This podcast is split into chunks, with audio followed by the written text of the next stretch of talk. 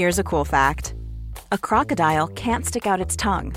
Another cool fact you can get short term health insurance for a month or just under a year in some states. United Healthcare short term insurance plans are designed for people who are between jobs, coming off their parents' plan, or turning a side hustle into a full time gig. Underwritten by Golden Rule Insurance Company, they offer flexible, budget friendly coverage with access to a nationwide network of doctors and hospitals.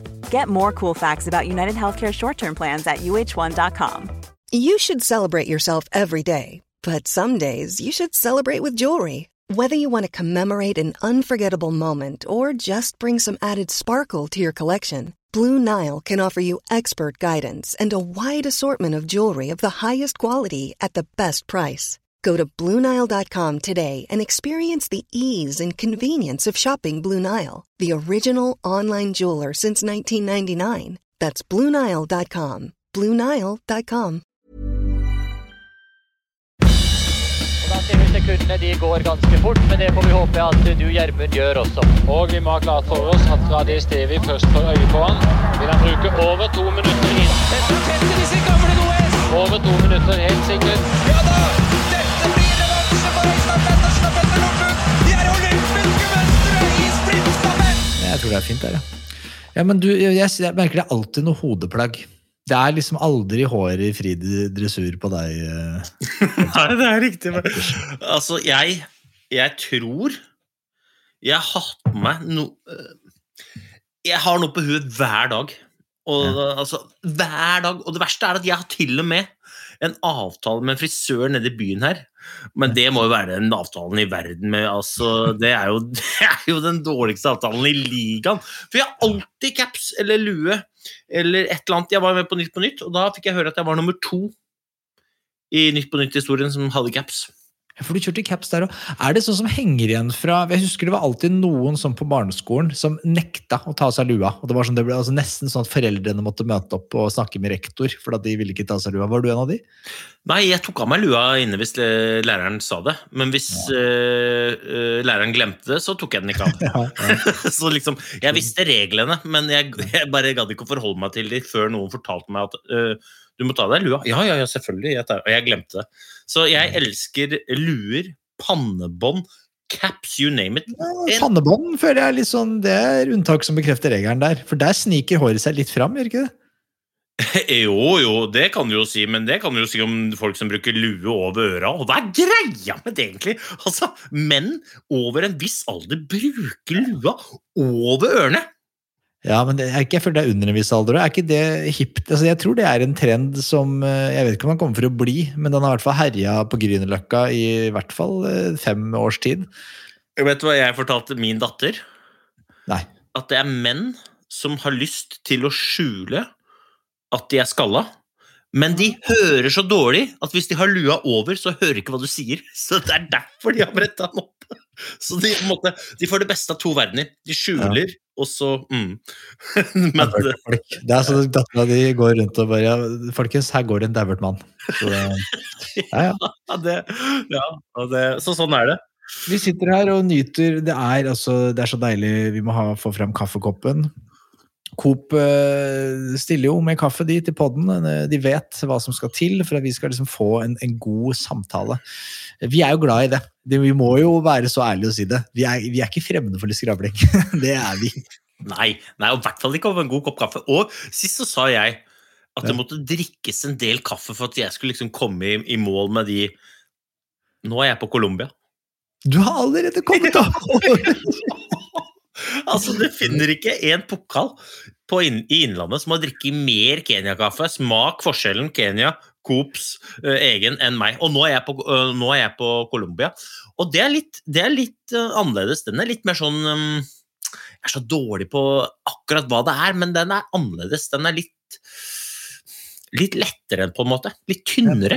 Ja, jeg skjønner hva du mener. På en måte litt søtere. Det er også feil, for det er jo ikke, er jo ikke søtt. så jeg skjønner hva du mener. Det er vanskelig å artikulere seg. På vin og kaffe og sånn, vet ikke hva jeg snakker om. Klarer ikke å beskrive det. Men hvem liker du best? Men nå har jeg akkurat bytta til Colombia. Jeg begynte i går med Colombias.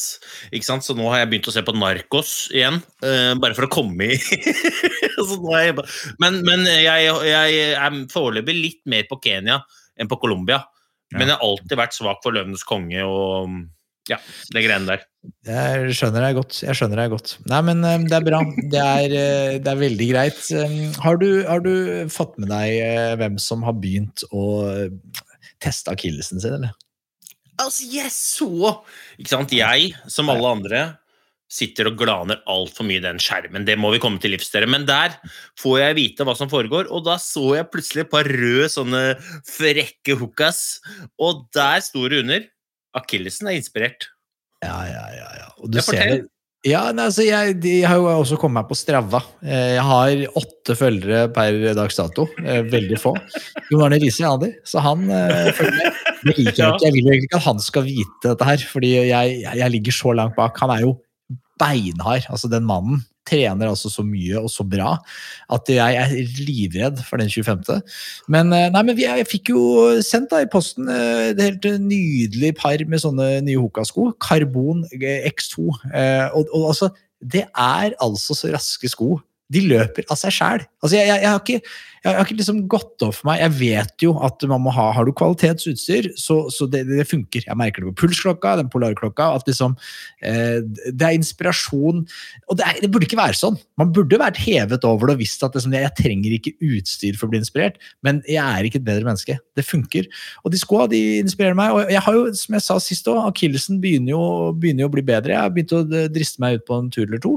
Og nå har jeg hatt to turer med de hooka-skoa. Tar det veldig rolig. Veldig, veldig rolig. Det ser de, de som ser på, på Strava. Det er ikke så langt, og det er veldig, veldig sakte. Utrolig sakte. Og folk kommenterer det. Eh, og det er bevisst, folkens! Ja, jeg er ikke dritgodt trent, men jeg, jeg kunne løpt raskere. hvis det var det som Men når du sier folk um, altså, Hvilke av de åtte følgerne dine er det du generaliserer som folk? Ja, det er spesielt, jeg, har en, jeg har en venn vil jeg si på Strava, en Strava-venn. Han heter Audun. Så det er vel egentlig han. Og så har det vært et par andre. Ja, for du må være forsiktig med Eh, å si. Ja, folk kommenterer det. Når det er åtte følgere, så har det ikke for, det, det har vært noen. Nei, det har vært én, og han heter Audun. Audun kommenterer det, mener du? Det er, det er ikke folk, det er Audun. Nei, det er det er er er Ja, men det, det er, dere får komme inn der hvis de vil, da, og følge med på min Ja. fight fysisk fostring. Sleazy innsalg til å få følgere på, på Strava. Ja, er det kult å ha følgere der? Jeg, jeg vet ikke. For jeg, jeg, sånn, jeg tror jeg har hatt en Strava-bruker ganske lenge, men jeg har vært utrolig forsiktig med å og Jeg har aldri brukt den noe særlig. Da. Og det er fordi jeg tenker at jeg liker, Det som er greia med Strava, er litt som med, Snapchat. De hadde en sånn greie en periode hvor du kunne, eh, hvor du kunne vite, hvor, vite hvor alle er. Men for å få lov å vite hvor alle er, så må du da selv vite, eh, tørre å vise folk hvor du er. Og jeg liker ikke det. At folk skal vite hva jeg har gjort og hvor jeg er til enhver tid. Sånn, Jeg liker ikke den følelsen. Og jeg, for meg er Strava litt sånn at alle har så jævla kontroll. Så folk kan bare si ja, du har ikke trent så mye i det siste. Så hvordan vet du det? Nei, jeg følger deg på Strava. Jeg vet nøyaktig hvor du har vært og hva du har gjort. Og så er det et annet ting som er litt sånn kjipt med Strava, for de ser òg hvor fort du beveger deg. Men Ja. ikke bare hvor fort du beveger deg, men de ser også øh, hvor fort eller sakte du beveger deg på hva slags intensitet du har. Så de kan si til deg ah, ja, jeg så du løp alt du kunne her om dagen, mellom ditt og datt, og det gikk ganske sakte. Eller fort. Men som regel er det motsatt. Folk blir jo bare sånn Det er bare hates. Det er jo Ja. øh, Men øh, jeg har ikke så mange følelser ikke- følgere på Nei, jeg, jeg tror, jeg er usikker på om jeg følger deg, men jeg tror jeg gjorde det. Jeg, har, jeg følger ikke så mange heller, da. og det er- henger litt sammen. Man bør jo følge noen og engasjere seg i communities ræva sikkert for å bli likt. Så, så Sånn er det. Nå utrolig mye prat om eh, det, men det er jo det at jeg gjør meg klar til 3000 meter challenge i de nye Hoka-skoene. Og hvis du der ute, hvis dere, våre venner som hører på, har lyst til å, å vinne Hoka-sko, fordi vi har jo fått lov å gi bort noen da, til, til de som fortjener det, så må man jo gå inn på www.skipodden.com, eh, registrere seg, melde seg på. Det er eh, over to, jeg tror nesten 300 som har registrert seg på det nå. Eh, og så må man dele på Instagram. Skape hype, skape engasjement. Vi gjør så godt vi kan. Eh, vi kunne sikkert vært bedre, men vi gjør så godt vi kan. Eh, nå har jeg begynt å løpe litt igjen, så da blir jo jeg litt mer eh, Da skal det bli mer, mer show fra meg på Instagram på løping. Eh, og da trekker vi en heldig vinner som vinner. Allerede har vi jo vi har gitt bort ett par sko allerede, eh, og vi har fire par sko igjen å gi. Så her er det bare å registrere seg først som zizd. Men det er vel ikke, ikke, ikke 3000-challengen som er på en måte først på agenda nå.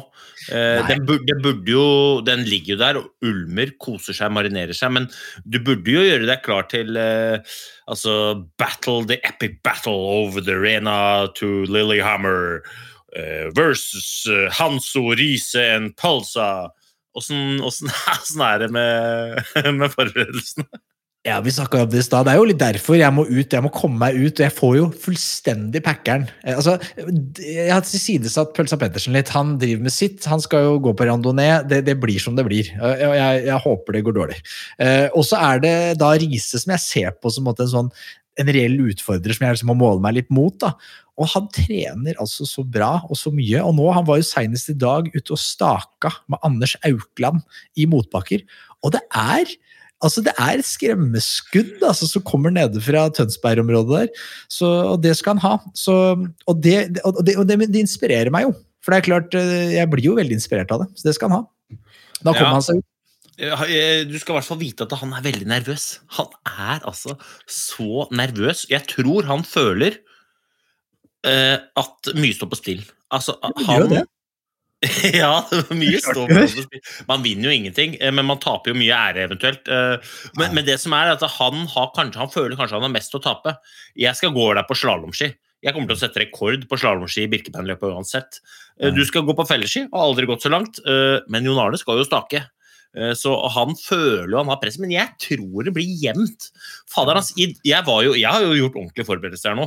Jeg har vært ute og jazza, ikke sant? spurte hva slags sko skal jeg ha. Så fikk jeg eh, dra ned på, på eh, Lillehammer Sport. Eh. Der fikk jeg jazza opp et par sånne Dynafit, noe crazy greier der. Det var jo helt krem.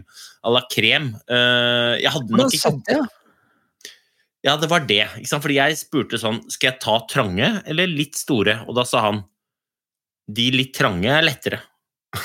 For det er, Ja. ja. det er bitte litt mindre sko, på en måte. Ja. Så jeg tok de litt trange. Kommer sikkert til å hate livet max. Eh, Men jeg måtte jo varme dem opp. Jeg sto inne i butikken her, og det var jo altså jeg, Det så ut som en idiot. Og så hadde jeg disse slalåmskiene mine. K2 ikke sant? Wayback 80, tror jeg de heter. Ja. Og da tenkte jeg ok, hvis jeg skal, først skal gå på slalåmski over det fjellet her, da skal jeg i hvert fall ha gode slalåmski. Så jeg leverte de på, på slip, jeg. Altså, jeg, jeg, jeg leverte de på slip ned på Sport 1 Lillehammer. Og så gikk jeg så sa jeg hei, skulle gjerne ha satt uh, en eh, slip på de slalåmskia her, som er bra til å bruke i Birken. Han, han fyren Arne bare Nei, nå er det rabla, for han er Er ikke du han derre Kan ikke du litt om dette Det, det fins jo ski som er bedre. Arne, bare setter du en slip du, som er god på Birken her, og så holder du det tett. Du. Og så kan heller jeg eventuelt lekke den informasjonen ut. Det er det jeg som velger. Og nå har jeg gjort det, så da veit dere det. Ja, men det er jo det er jo gode, det er for gode forberedelser. Du forbereder deg så, så bra du kan, eh, gitt forholdene. Jeg, jeg så du veide disse, det utstyret, for det, ve- det veier litt, det utstyret relativt til langrennsutstyr. Eh, Du skal drasse noen ekstra kilos Ja. rundt. Ja, altså, det, eh, skoen ja, men var, Det verste var at skoen var ganske lett. Den veide bare 800 gram, 850 gram eller noe per, per sko. Ja. Uh, Så det var ikke ille. Uh, Jeg tenkte jo at det kom til å veie mye mer. Uh, Men så skiene veier jo litt. Ja. Skiene veier jo litt. Altså, det, er, det er forskjell på langrennsski og slalåmski. Det er det. Og, så har, og da, jeg har ikke tatt på binding engang ennå. Det, det er jo lurt å få gjort. Ja, men jeg driver og vurderer om jeg ikke skal Og dette her igjen, nå vet jeg ikke, men eh, på Rando så har du jo binding foran og bak, ikke sant? Og så Ja. bakbindingen bruker du bare når du skal kjøre ned. Ja, Så jeg driver og vurderer om jeg kanskje går an å så ikke ha på den klossen bak. Men må du ikke måtte, Du skal jo kunne sette hælen ned, men det er dumt. Ja, jeg skjønner. Jeg vet ikke. Fast. Nei, det Jeg, vil jeg, jeg jeg, jeg har aldri jobbet på Rando, så jeg kan ingenting her. Dette er et problem jeg tror verden ikke har møtt før. Eh, så dette er, det krever liksom Hvis det er en eh, ingeniør der ute, eh, send send tips. Jeg tror ikke han trenger å være ingeniør heller, men kanskje hvis det er noen som bare har brukt Rando, så kan det kanskje gi Jeg, jeg er i ferd med å rekke ut en hånd her nå. Jeg trenger hjelp. Fyren med lue på bakerste rad, som eh, Han begynte i hvert fall bakerst, så etter hvert som semesteret gikk, så flytta han ofte fremover i klasserommet. Nice. Eh, men, så fyren med lue inne, inntil læreren sier fra, han trenger hjelp. Ja. Nei, men det blir spennende. 25. februar går det ned. Eh, om eh, måtte, den, eh, måtte den beste vinne. Vi, vi skal jo lage noe, vi skal lage noe baluba rundt det, og vi skal dekke det godt. Eh, vi, vi har vel tenkt å lage i hvert fall en, en, en pod hvor vi, hvor vi tar, tar dere gjennom alt fra forberedelser til eh, det som skjer underveis, og, og en slags evaluering og oppsummering til slutt, eh, hvor vinneren selvfølgelig skal få lov å hovere maksimum. Så det blir Ja, kanskje vi skal, kanskje vi skal spørre lytterne om hva de har lyst til å få dekka, øh, hva de lurer på og litt sånne ting. Og samtidig òg kanskje skal vi ha en slags At, det, at eh, lytterne bestemmer hva vinneren skal få av de to andre. Ja. Ikke nødvendigvis at øh, lytterne skal få bestemme straffen, men hva er det vinneren skal få i premie? Ja, ja, det er fint. For det er jo ofte at vi, det er ofte at vi, vi gjør eh, at det er motsatt. Ja. Det er lett å finne straff. Det er ikke alltid så lett å finne noe man kan eh, gi som gleder. Ja, jeg har godt, godt innspill. Send inn forslag. På, vi vil helst ha det på Instagram, men det er jo der vi er mest aktive. Jo, jo, jo. jo. Ja, det er helt. Facebook, hvis man ikke har Instagram. Vi, vi er der òg. Vi er Ja. der òg. Har vi en liten eh, reklame for det. Så det er, Ja, det er fint. Nei, det har jo vært, eh, det har vært World Cup eh, i helgen. Eh, litt sånn, De har kanskje største favorittene, i hvert fall norske favorittene, var jo ikke med. Eh, også, men jeg tenker, vi skal sette an tonen, og det er jo litt sånn dramaturgisk annerledes. Men jeg kan ta at vi har fått et limerick sendt av en av våre beste venner, Nordgarden, eh, som setter tonen litt. Så eh, hvis du hvis vi setter på litt sånn eh, god gammeldags bakgrunns... Eh, Ja. her, Det er jo god gammeldags, for det er jo aldri publikum lenger, så dette er jo god gammeldags bakgrunnsmusikk. Ja, det er rett. Vi har sprint, fellesstart og stafetter. Vi har stavbrekk og noen som detter. Men nå fikk vi en twist fra en langrennsartist. Jonas Sundling. Hun gjør piruetter. ja, vi hadde litt uflytt her, Jonas Sundling. For du Altså, så det- i helgen. Ja, eller det vil si at jeg så på delvis i helgen. Jeg så på i går. Eh, dette er jo, Nå er det søndag når vi spiller inn, ikke sant? og jeg så på lørdag. Eh, og så så jeg på semifinalene eh, i dag, før jeg dro ut på ski selv. Eh, og da hun Jonas Sundling hun ble tråkka på eh, to ganger. Altså, skia Og det var høyre ski. To, to ganger ble tråkka på og snurra rundt. Og hun fikk jo mye skryt, og det var fortjent. Ja, hun er, rå. Hun er, hun er jo veldig helt rå. Altså, jeg synes Enda mer imponerende når hun falt. Det var det semifinalen hun, falt. Eh, Og måten hvor raskt hun var opp! Det er en styrke i beina som jeg ikke tror jeg har. Eh, Og klare liksom å komme meg så raskt opp, det er eh, Det er Men det var jo en annen det var en tysker der hadde jo litt uflyt. Hun, ja, for hun mista jo skia. Var det Victoria Carla? Det må ta med en, en, en neve salt, altså, men det er liksom Det er sjelden og gunstig på vei inn i vekslinga når du kommer og veksler med én ski. Ja, det er- dumt. Det er- slutte med en gang. Da veit du at det er bare å kikke på bussbillettene tidligere enn uh, du hadde planlagt, for det, det kan hende du ryker. Det, det, det er det jo. Men en annen, altså- ting, en annen ting jeg må bare si, apropos litt sånn artige ting, det glemte jeg å si sist, men jeg vet ikke om du så det, men det var, altså, det var sprinten i Falun. Så var det jo eh, en ung svensk eh, jente som kvalifiserte seg til sprint. De, altså, de er jo så gode i sprint, så de har jo Ja, dem er altså så Svenske gode. damene, hva er det de gjør? De er så bra. De går i hvert fall fort. Men i hvert fall da, så skulle hun starte denne, denne, denne kvartfinalen. Øh, hun gikk i sin klubbdrakt. Hun var da en del av den nasjonale kvoten. ikke sant? Og det sier jo meg at hun er fremadstormende. Sikkert hadde gleda seg mye. Sikkert var glad for å komme til kvarten. Og så går hun bort til disse startgatene, og de er ikke sikkert at hun har gått så mye. For det, det som skjer, er at hun knekker staven sin i startgaten. Og så detter hun, og så i liksom da skal forte seg opp, og da mens hun gjør det, så knekker hun den andre staven også. Og når du da ikke har lov til å stake ikke sant? De første sporene, det er sånn typ 25-50 meter, litt avhengig av eh, hvor, hva slags stadion du er på, liksom. men da har du ikke lov til å skøyte. Og så, når du da står der da, og liksom begynner å løpe Nei, det Hva er det? Disse startgatene, er er det, når vi først er inne på det, digresjoner er jo en av våre greier. er det en treningssak, det òg? Hvis jeg hadde stått i sånn Er det noe jeg må liksom øve på der? Eller er det liksom det er ganske rett Ja, eh, jeg kan i hvert fall fortelle historien fra første gangen jeg var borti de der startgatene, og det var jo i Düsseldorf. eh, Og jeg hadde aldri sett sånne startgater før. Dette var i 2006. Eh, Min første også, min første, så jeg gjorde det samme som denne svenske jenta her. Men da, den startgaten den er en sånn pinne som slår Den slår jo utover, så du må ha stavene bak startpinnen. ja, ja, ja, Så når, når starten går i kvarten, semien eller finalen, så må du ha stavene bak. Når du skal starte prologen, så må du ha stavene foran for at du ikke skal ha fart gjennom pinnen og liksom snike 300 eller på det, da. Så jeg hadde aldri gjort det før. Sto der på start, begge stavene foran, og klar, ferdig. Og den der, den der pinnen, den bare kappa bare staven min med en gang. Sånn, og da, da, da var det jo kjørt, da trodde folk. Men da hadde jeg så god flyt Ja, det at det gikk bra likevel. Men, men det er litt sånn det er litt du skal trene på det. Nå, nå, er det mm, nå er nok folk litt mer vant til enn jeg var når jeg begynte, men det er fortsatt folk som kludrer det til. Det er det. Men den går altså da Den pisker seg på en måte opp mm, samtidig som starten går, altså. Så det er ikke sånn Ja, at du må ja. fysisk fordi på, på intervallstart eh, så, så må du vel fysisk dra deg gjennom, for den setter Ja. igjen klokka. Ja, da bryter du Når du bryter den pinnen, så starter den klokka. Der har du, der har du noen sekunder. Da. Du kan starte Nå husker jeg ikke om det er fem sekunder eller om det er tre sekunder før og etter nullpunktet, på en måte. Ja. Så si at det er da start hvert 30. sekund.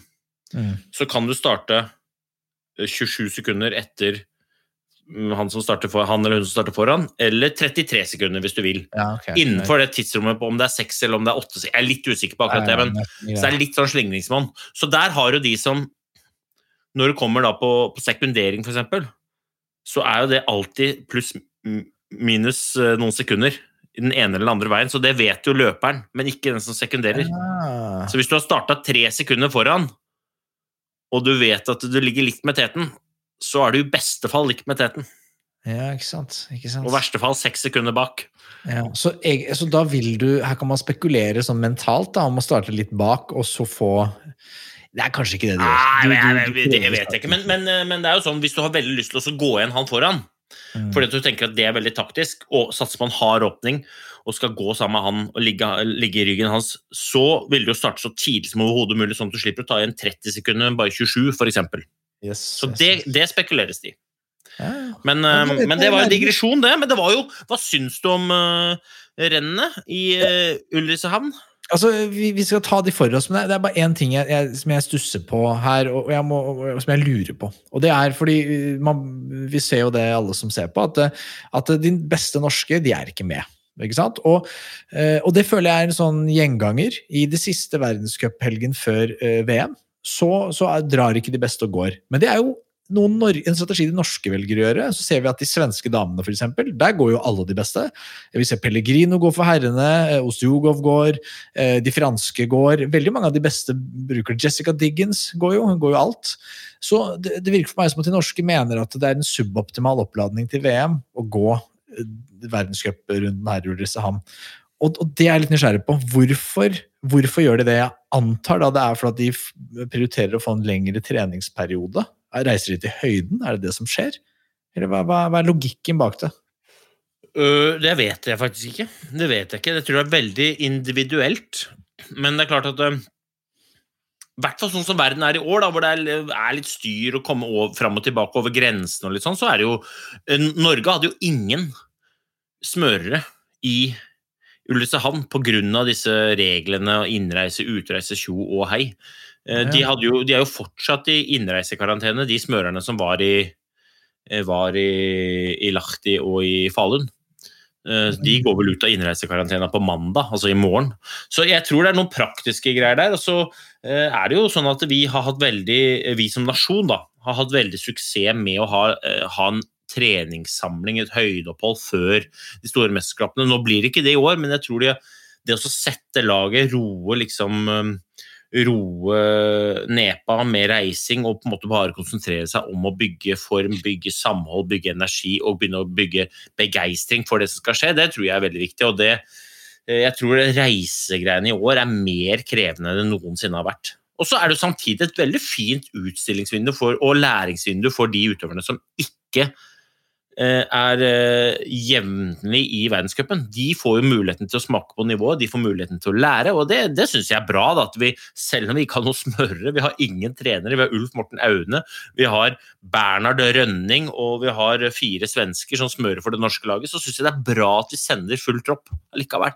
Ja, helt klart. Det var med bare eh, hvorfor, for jeg føler det, det alltid skjer. Eh, og det var egentlig mer som om det er en Det er mange gode grunner for å gjøre det, men, det mer, men hvordan trener de de som er med, og trener de rolig? Er de ferdige med hardkjøret? For det, det husker jeg det Torgeir Bjørn sier på sending. Han sier at det, eh, når han snakker om Diggins, da, som virka litt sliten i teamsprinten, så sa han at nå har Diggins gått mye, nå er hun ferdig med hardøktene sine. Dette var siste hardøkt før VM. Nå skal hun trene rolig, kanskje gå dra opp i høyden. Og så er det rolig fram til, og så skal hun finne liksom å hvile seg, trappe litt ned, og så kommer hun i superslag tilbake til VM. Ja, men Dette er et spørsmål som jeg også lurer på. Dette må vi stille Jan. for at det, Hvor mye av det Jan Post og Torgeir Bjørn snakker om, hvor mye av det er fakta? Hvor mye er det de, de tror, og hvor mye er det word on the street eller noe de har hørt? Der tror jeg det er en litt sånn rolig miks. Eh, Og spesielt kanskje på vår alles eh, favoritt, eh, Bjørn. Altså, han slenger jo rundt seg om ting Nå var det veldig sjelden han prata om meg, men det var noen ganger han prata om meg, og om ting om meg som jeg ikke visste selv. Tenkte sånn, hm, ja, det må jeg notere. Det er sikkert relevant. Men, men du har jo feil i at alle de beste går, da, for det er jo en del som ikke går. Uh, Bolsjunov går jo ikke, Niskan går jo ikke, Kolonne går jo ikke. Det er klart, det er litt fordi at det er eh, sprinthelg, og så er det jo litt fordi at det begynner å nærme seg VM, da. Mm. Uh, så jeg så jo um, Apropos VM, jeg så, nå skal jo svenskene ha um, de skal ha SM nå til uka, og der Ja. kommer jo ikke tre store stjerner. Kalla sliter jo fortsatt med å finne tilbake til gode, gamle Kalla. Om det er koronaen eller om det er noe annet, det skal ikke jeg si. Eh, Frida Karlsson har vist tegn på overbelastning. Mm. Og så så jeg her, rett før vi gikk på, så var jeg inne på igjen da, på den der fordummende telefonen.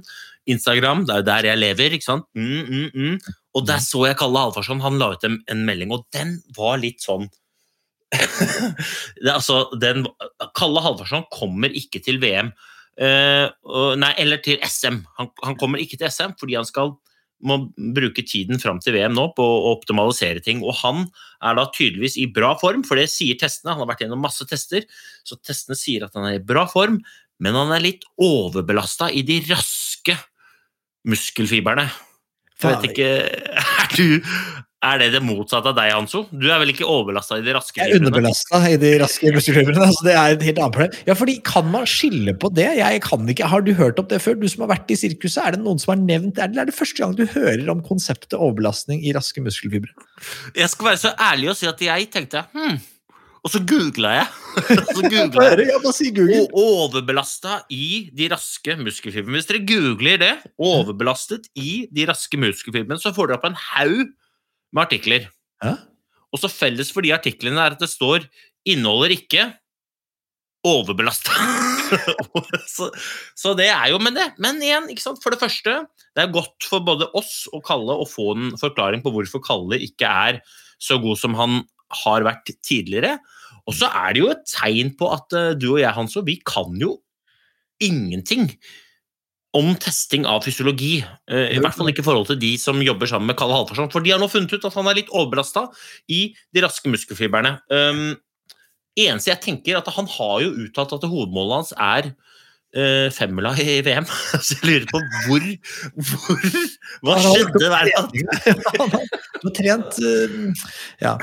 Nei, jeg, vi, vi ønsker jo Kalle Halvorsson alt godt. Da. Det var jo, er jo gøyere og var gøyere når han er i slag, så vi håper han finner tilbake eh, til den Ja. formen han hadde den ene helgen på Lillehammer i 2017 eller 2018. Eller det var. Ja, men Sverige var gode. Altså, ja, ja, vi, må, vi må si det. Sverige ja, ja. Altså, gratulerer med dagen. Oskar Svensson han vinner nå. Han, vinner, han vant jo klassiske Valdres hjemme. Og nå vant han eh, Han er jo bedre i klassisk enn i skøyting, men nå vinner han jo skøytesprint. Eh, og det kan godt si at det var lett løype, at lett løype betyr mye dobbeltlands, og dobbeltlands ligner litt på staking, men det var fortsatt fri stil. Og du kan ikke ta han på noe annet enn at fy søren, han gikk best. Han gikk fortest i verden. God stemning. Ja, han gjorde det. Han slår Pellegrino. altså Han er her i toppslag. og Hvis vi fortsetter å holde oss til herrene, så må jeg jo si at jeg er Sergej Stjugov. Altså, jeg er glad i fyren, og han går som en klovn eh, rundt i sprintløpene der og setter en fart og snubler seg videre, kommer seg til finalen, og, og så gir han litt opp der. Han prøver å gå fra, og så merker han at han har ikke helt inne. Og Det var et lyttespørsmål, noen lyttere som uh, stilte spørsmål lurte på om, om, om vi tror at Ostjugov kommer til å prøve å bare gå fra i VM, og kanskje han da klarer det. Hvem vet? Ja, altså, Hvis det er noen som kommer til å prøve, hvert fall, så tenker jeg det er Sergio Stogov. Han tenker. Og det betyr jeg, jeg bare prøver, jeg, gutter, og så får vi se hvordan det går. Og hvis ikke det går, så ta det for meg. Det jeg gir hjernen, liksom. Jeg syns jo det er gøy. Men det er jo en annen Og det er jo det her var jo Petter Skinstad, vår podvenn, ja. som aldri har fått lov til å skinne på podden, eh, men som vi, vi lover lytterne at den skal komme på. Men han skrev jo noe artig på Twitter, for han skrev jo at Finn Hågen Krogh må være den eneste løperen i verden som i løpet av ett sekund klarer å miste formen underveis. i et For han, han var jo bare sånn Han var helt King Kong i semien der. Bare cruisa rundt.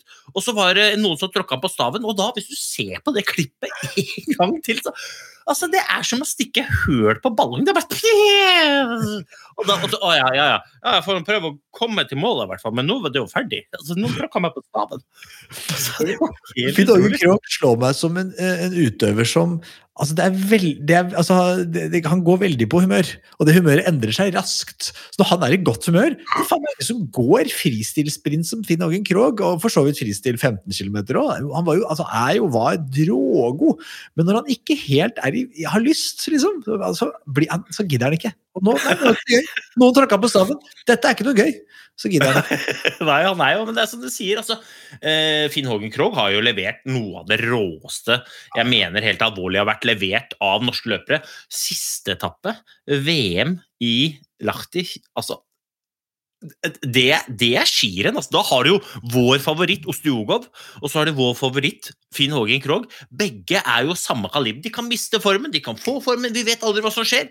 Og begge kjempa med nebb og klør. Og hvis du ser målgangen til Finn Hågen Krogh i den stafetten der, så er det altså så mye aggresjon, glede, adrenalin, som kommer mot mål. Og så tar han av seg staven så prøver han å knekke staven, men så klarer han ikke å knekke staven. Så bare rister han, og så slår han staven. Altså, Alle som ikke har sett det, gå inn på YouTube, ta på dere 3D-briller, popp litt popkorn, lag dere en kopp med Colombia-kaffe, sett på en isoporhjelm på hodet, og nyt. Ja, det er, det er store øyeblikk. Eh, Men, men damene, det er jo der Sverige er helt rå. Nå var det Linn Svan eh, falt, eh, og hvem vet, kanskje hun hadde vunnet, kanskje ikke. Maja Dahlqvist i kjempeslag. Eh, det er Hanna Falk begynner å vise form plutselig. Kommer ut av intet. Det er jo Ulricehamn, hun er jo derfra, eh, og da er hun jo alltid god. Eh, Hva heter, er det, hva heter disse andre Hva er det hun Er det en Heggestrøm? Sundlinne. Hegstrøm. Heggstrøm. Og jeg tenkte, En ting som jeg er glad jeg slipper å gjøre, det er å ta ut det svenske sprintlaget. For de har jo bare fire plasser. Eh, skal vi prøve å gjøre det? det, er, det var som et ledende spørsmål, men altså, jeg, jeg tar det ikke ut, men du kan gjøre det. Ja, altså jeg tenker, vi må La oss nå tenke litt her. Eh, og det er flere ting vi må tenke litt på. Eh, Linn Svan er jo, må man jo ha med. Vår venninne Linn Svan eh, må få opp smilet igjen. Eh, opp med truten. Og, og da vet vi at hun er noe av det råeste som, som er eh, på Hvordan tror du hennes humør var på lunsjen etter, etter rennet på Det var vanlig. Det var helt vanlig. Eh, Servert gjedde. Gjeddekaker.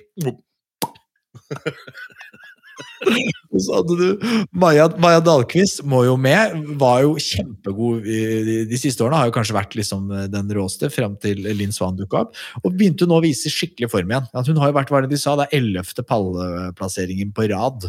Eh, og nå satt seieren endelig. Eh, hun må man jo ha på et sånt sprintlag. Eh, Jonas Sundling eh, hun er jo kanskje best i fristil. Så viser seg jo best da. Det er jo klassisk eh, i den individuelle sprinten i, VM. Eh, så jeg veit ikke om jeg ville hatt hun med på, på det klassene, men kanskje. Hun er jo rå. Hanna Falk! Gode gamle Hanna Falk! Hvis hun er i slag, da er hun jo absolutt en av verdens beste sprintere. Da. Og det er farlig. Altså, jeg tenker man må ha med vinnerkandidater. Ja, eh, vi burde jo tenkt motsatt, ikke sant? I og med at vi heier jo like mye på Norge, og vi heier jo på Slovenia, vi heier jo på alle, så vi tenker at det, Sverige har så mange at det kanskje de bare kan ta noen. Ja. Og, så kan, og da er det jo liksom det er litt gøyere, for da har jo de andre nasjonene med noen vinnerkandidater også. Ja, jeg, jeg vet ikke, men altså, uansett hvem Sverige velger, så er det jo, dem er jo dødsbra. Men vi kan jo håpe da, at de kanskje blingser. tenker ja, vi, vi kjører bare, vi trekker noen navn opp av hatten, og at det blir Frida Karlsson og det blir Hebbe Andersson eller Ja, jeg vet ikke. Og så tenkte jeg på, også når jeg så på sprinten, tenkte sånn, på, på kvinnesiden igjen, da. Er det noen er noen jokere som kan komme? Altså Hvis du så på teamsprinten, der gikk jo både Linn Svan og, og Maja Dalkes på samme lag. Og så dukker det opp dukker det opp hun Hva heter hun, vår venninne fra, fra Slovenia? Uh, Eva Orec og um, Ja. Herregud, det, nå står det helt stille. Det her må, dette er skandale. Dette er flaut. Dette er flaut. Ja. Um, Hun trente av din kompis i fjor. Min kompis i fjor Ola, mener du? Som trente eh, de slovenske damene. Lampic. Lampic! Åh, der er du god! Der er du god. Det var Nei, jeg er jo ikke det. Jeg er jo ikke god, men eh, ja. Men, men det som er Ja, det er jo det er spennende, vet du. Det er spennende. Du så Sveits hadde to, to Ja. lag på pallen i. Både i dameklassen og i herreklassen. Med, med Fenrich og van de Graaf, og med to, to sveitsere der. Han ene er veldig Jovian Hediger. Han er altså Han, har, han går, han går skøyting sånn som jeg tenker uh, han øh, Obelix hadde, hvis han hadde hatt på seg ski, tatt litt trylledrikk. Sånn går han på skøyting. Blir- Ble de sveitsiske herrene i overkant fornøyde med andreplassen? eller? Det var utrolig mye leven. Hvis Du så kanskje ikke finalen, men det var altså så mye skriking at eh, det ble nesten slitsomt. Når Astrix og Obelix kom på pallen, er klart det er skriking. Men det som er interessant med, med, med, med stafetten, er jo hvor, hvor tilfeldig det er. Da. For at det, Så du noen norske lag i finalen? På herresida? Eh, Nei. Men du så ikke noen russiske heller? Nei, jeg vet det. Og, og, og, men jeg bare, bare for å ha nevnt det òg. Vi snakka jo om det i stad når vi nevnte at ikke de, de beste norske var med. Og, og jeg har jo hatt, og jeg har vel argumentert ganske hardt for, eh, at eh, hadde de nest beste norske deltatt i verdenscupen, så hadde de fortsatt vært helt i toppen. Og jeg må innrømme at skuffa det ikke litt? Altså, vi, vi hadde, vi hadde vel Hadde vi én i, i finalen i, i sprint? Hadde vi ikke Vi hadde vel Det var ingen på eh, kvinnene som kom seg til finalen. Og så hadde vi vel Hadde vi noen herrer i finalen? Eh, Nei, Sindre Børsøskar Skar ble ved sju. eh, nettopp. Men de sa jo det selv også. Eh, Finn Hågen Krogh og Sindre Bjørnstad Skar sa jo det selv, at dette er jo det er en selvfølge at du skal gå til finalen. eh, Og når de ikke klarer det, så er de skuffa. Eh, Men samtidig så viser det jo at det er mange som går fort på ski. da. Også det i den løypa med Man skal ikke si at det er mye tilfeldigheter, for de beste går de beste vinner. Nei, jeg er med, jeg er enig med Finn og Sindre at det er for dårlig. Enkelt og greit. Og det vet de like godt som oss. Så vi får bare tenke som så at de får jo oss til å se dårlig ut, gjennom at vi sier at alle de norske er så innmari gode, men eh, kanskje ikke det er det. Nei, det er, jeg tenkte sånn Må jeg spise ordene mine her? Kanskje, altså, kanskje, Ja, men-. Ulvang, kanskje Vegard Ulvang er rett? Nei, Vegard Ulvang har ikke rett. Altså, kom i Ikke så langt, men jeg bare sier at ok, hvis de beste norske, eller nest beste norske, som ikke får lov til å gå verdenscup, ikke er så gode som vi tror Mm. Tenk hvor dårlig vi er, da! Det er- Du og jeg! Vi, er, vi har ingenting. Vi har en enkel jobb. Sitte og melde hardt. Men, men i dag så har vi eh, fått besøk av en, en vi ser opp til, altså. En, en ledestjerne på podkasthimmelen. han er kunnskapsrik. Han er eh, soundtracket til alle de TV-sendingene vi elsker eh, med ski i fokus. Vi får besøk av selveste Jan Post. Og ikke nok med det, men fyren er jo blitt, og er jo helt løpefrelst og har jo, kan jo masse om det greiene der òg. Skal vi rett og slett bare ringe opp Jan Post eh, og ta en koselig preik? Så det er på høy tid Ja. at Jan får kjenne litt i skipodden. Vi eh, har fått besøk, Øystein. Vi, vi, altså, vi har fått besøk av en fyr som vi, vi ser opp til. Altså, han, eh, på podkasthimmelen skinner han som en eh, mye sterkere stjerne enn eh, vi gjør. Eh, og det er som jeg sa i stad, Øystein, han er jo liksom eh, soundtracket til eh, noen av de aller største øyeblikkene som vi vet om. Så det er en ære å ha besøk av deg, Jan Post. Tusen takk for at jeg fikk være med. Jeg føler at jeg har vært med hver eneste episode, for jeg har hørt eh, stemmen min i introen der, så jeg er jo litt med hver gang. Ja, Vi har ikke royalty-sjekkene, for det har vi vel ikke fått sendt i posten til deg ennå. Men eh, du får, eh, jeg håper ikke du, du, du, varsler NRK. Jeg, jeg, ligger, jeg ligger lavt. Dette går bra.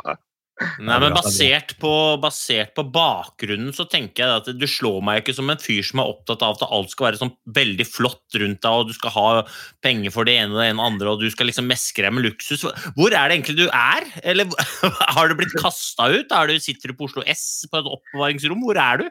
Jeg skjønner at dere stusser litt når du ser bildet her på PC-en, men eh, det er sånn at jeg bor jo da sammen med en på tre år og på seks år og ei kone som prøver å legge de her nå. Så jeg er rømt ned i kjelleren, gjennom treningsrommet, inn i boden.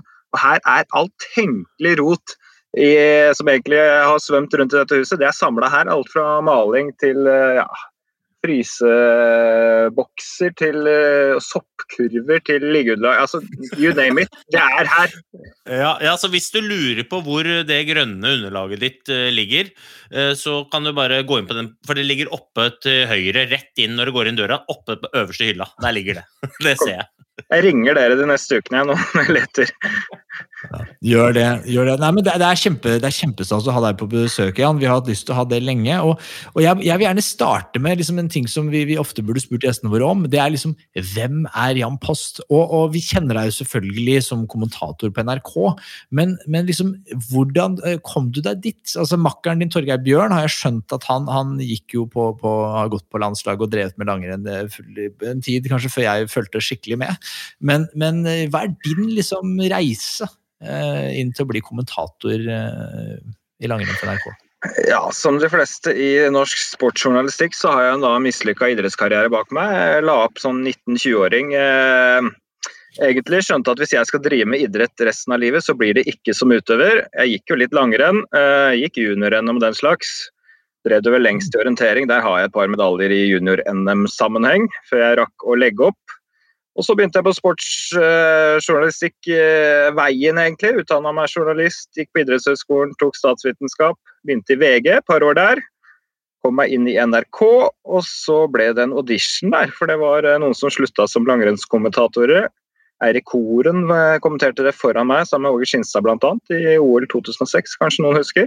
Når Karlsen og Rike ikke gjorde det. Så jeg stakk på audition jeg, i, kjelleren på NRK og satt og kommenterte noen gamle klipp fra ja, jeg tror det var Sapporo-VM blant annet. Ja. Og så fikk jeg lov til å få sjansen også på lufta, og siden har jeg vel kommentert, da.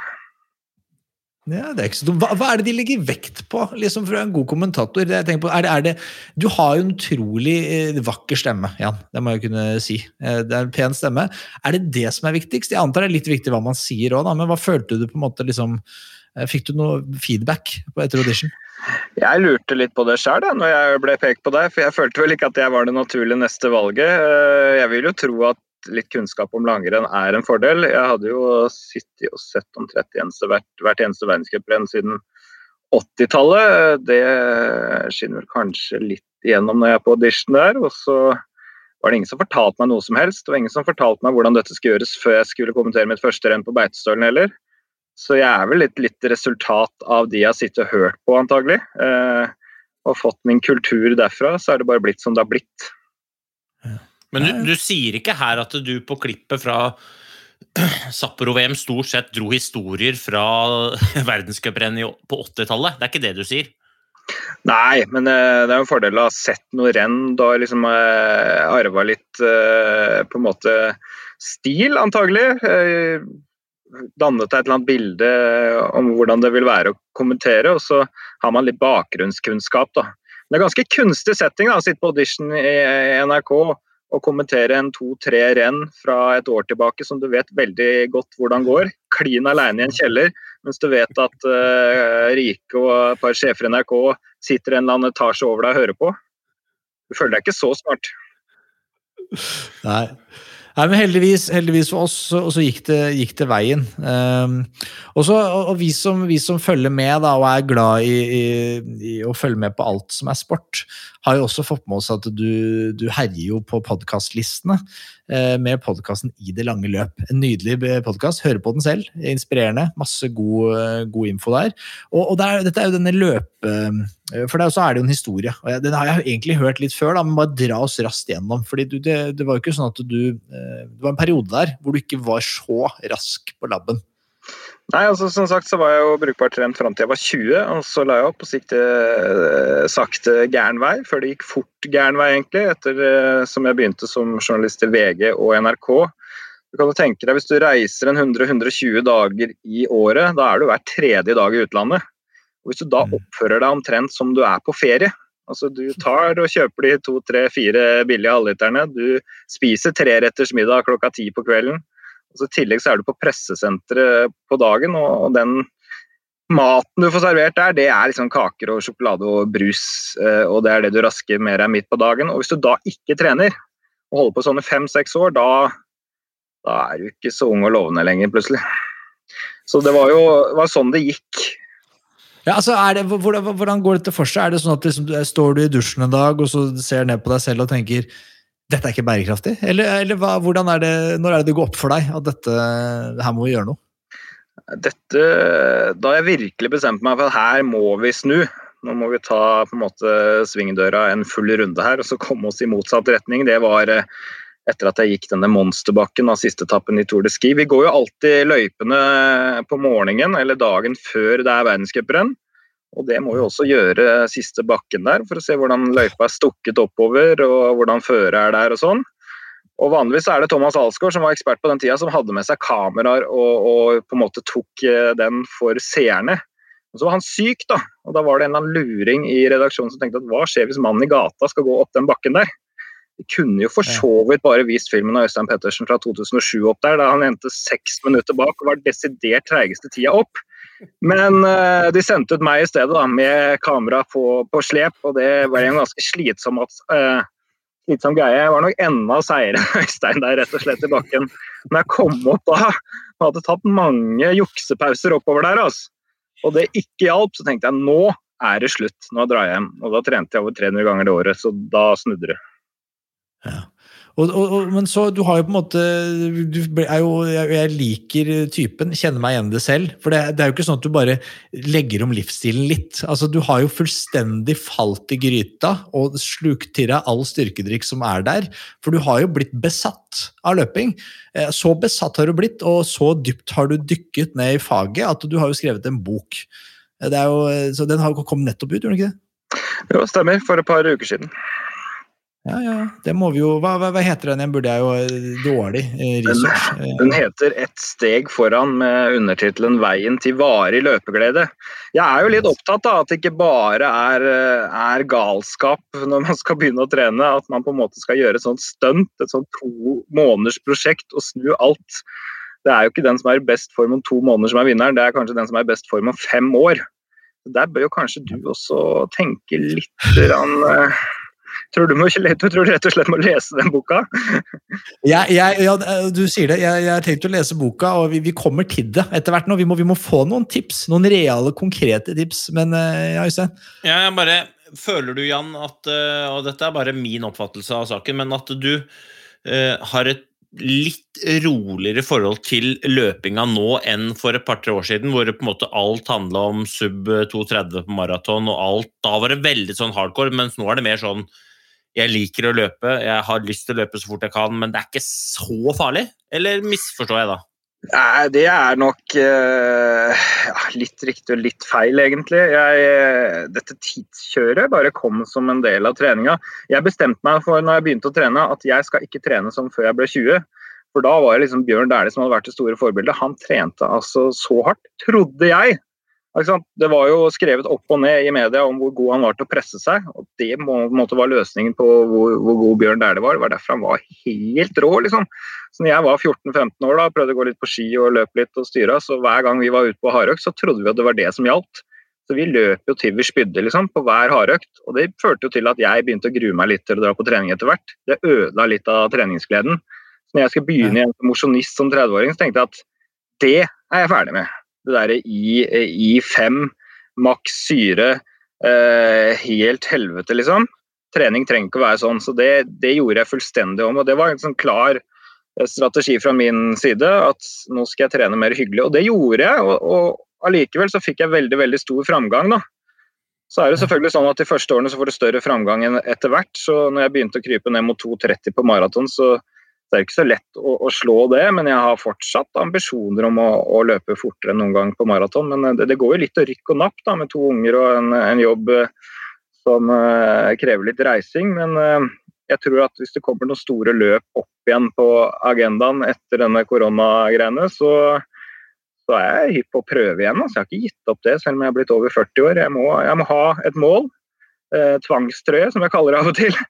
Men, eh, men, men, jeg er opptatt av å gjøre det på en måte som er bærekraftig. Da. Jeg løp jo 2,55 på maraton det året jeg gikk ned 25 kg etter den turen opp eh, Monsterbakken. Og det er jo fortsatt den tregeste maratonen jeg har gjort. Jeg har jo klart å holde meg der i ti år, så det er et sånn varig prosjekt. Så jeg har ikke mm. tenkt å slippe meg tilbake igjen. så på et eller annet tidspunkt så vil nok jeg slutte å løpe fortere, det tror jeg nok. Men uh, om vi der, er der allerede Nå er jo kanskje ikke Bjørn Dæhlie forbildet, nå er det mer Anders Aukland, skjønner Ja, ikke sant. ikke sant. Men hva, for, for Inviter oss litt inn på en typisk uke for Jan Post. Hvor, hvor, eh, hvor, mange økter trener du i uka? Og hvordan får du det til å gå opp med reising og sånn? For det er, jo, det er jo fortsatt Akkurat nå er det liksom i reising, da, hvis man tenker et sånt normalår. Nei, det er veldig lite reising nå. Vi er bare kommenterer i Oslo. Så vi har vært på eksotiske Lygna. Vi har vært oppe på Lillehammer og Trondheim i år. Det er det eneste vi har gjort. Jeg har ikke vært i utlandet siden februar, så det er jo uvant. Familien begynner å bli lei meg. Det skjønner jo når jeg sitter her nede i kjelleren at jeg er ikke så populær i huset her lenger. Så Nei, men, eh, men, faktisk er det lettere å trene nesten på reise. Da har jeg bare meg selv å tenke på. Det er ingen som skal ha tak i meg før 8-9 om morgenen da. Så da kan vi gjøre hva jeg vil. Eh, her hjemme så må jeg eh, planlegge litt mer med familien. Eh, og jeg er veldig glad i det jeg kaller usynlighetstrening. Ja. Trening som ikke syns for resten av familien. Jeg vet Øystein er jo kanskje den som prøvde det mest profesjonelt. Jeg har jo vært med han med kamera når han har levert kidsa i barnehagen på rulleski. Rett ut på tre timer der. Og så kom han tilbake, slang de skiskoa i veggen, fikk på seg løpesko, løp rett ut igjen på to timer. Og da var det omtrent uh, på tide å, å, hente kidsa i barnehagen igjen, liksom. Så han dro det litt lenger enn meg, da. Men jeg liker å stå opp tidlig, kanskje gjøre det før de står opp, trene mens de ser på barne-TV. Hvis de skal på stranda på sommeren, så kanskje jeg løper bort, så savner de ikke meg så mye den første halvtimen, for da er det kult å være på stranda uansett. Altså gjøre en del sånne løsninger, da. Som gjør mm. at uh, det ikke syns så godt. Men jeg trener en seks-sju ganger i uka, da. Det blir ikke mer enn sju-åtte-ni timer. Men jeg jeg prøver å gjøre mest mulig ut av de 7-8-9 timene. Her har jeg lyst til å skyte inn, da. Jeg er 100% enig med deg, Jan. Og jeg tror òg at uh, her tror jeg det er mange som har mye å lære. fordi at den der, det der så, um, det å få tid til å trene, det tror jeg handler veldig mye om å planlegge det sammen med familien. Sånn at ikke familien i tillegg til at du syns kanskje det er litt kjipt å få det inn, at familien òg syns det er kjipt at pappa eller mamma skal ut og trene. Den der logistikken på å gjøre det så usynlig som overhodet mulig, jeg syns det er innmari fin, fin, fint bilde på det. Og det er så mange tider på døgnet hvor det ikke skjer noe. Jeg selv liker også å gjøre det tidlig på morgenen, for da er det liksom Det skjer ingenting. Dagen er ikke i gang før klokka er kanskje ni, halv ti, ti og da rekker du å få gjort veldig mye på en time.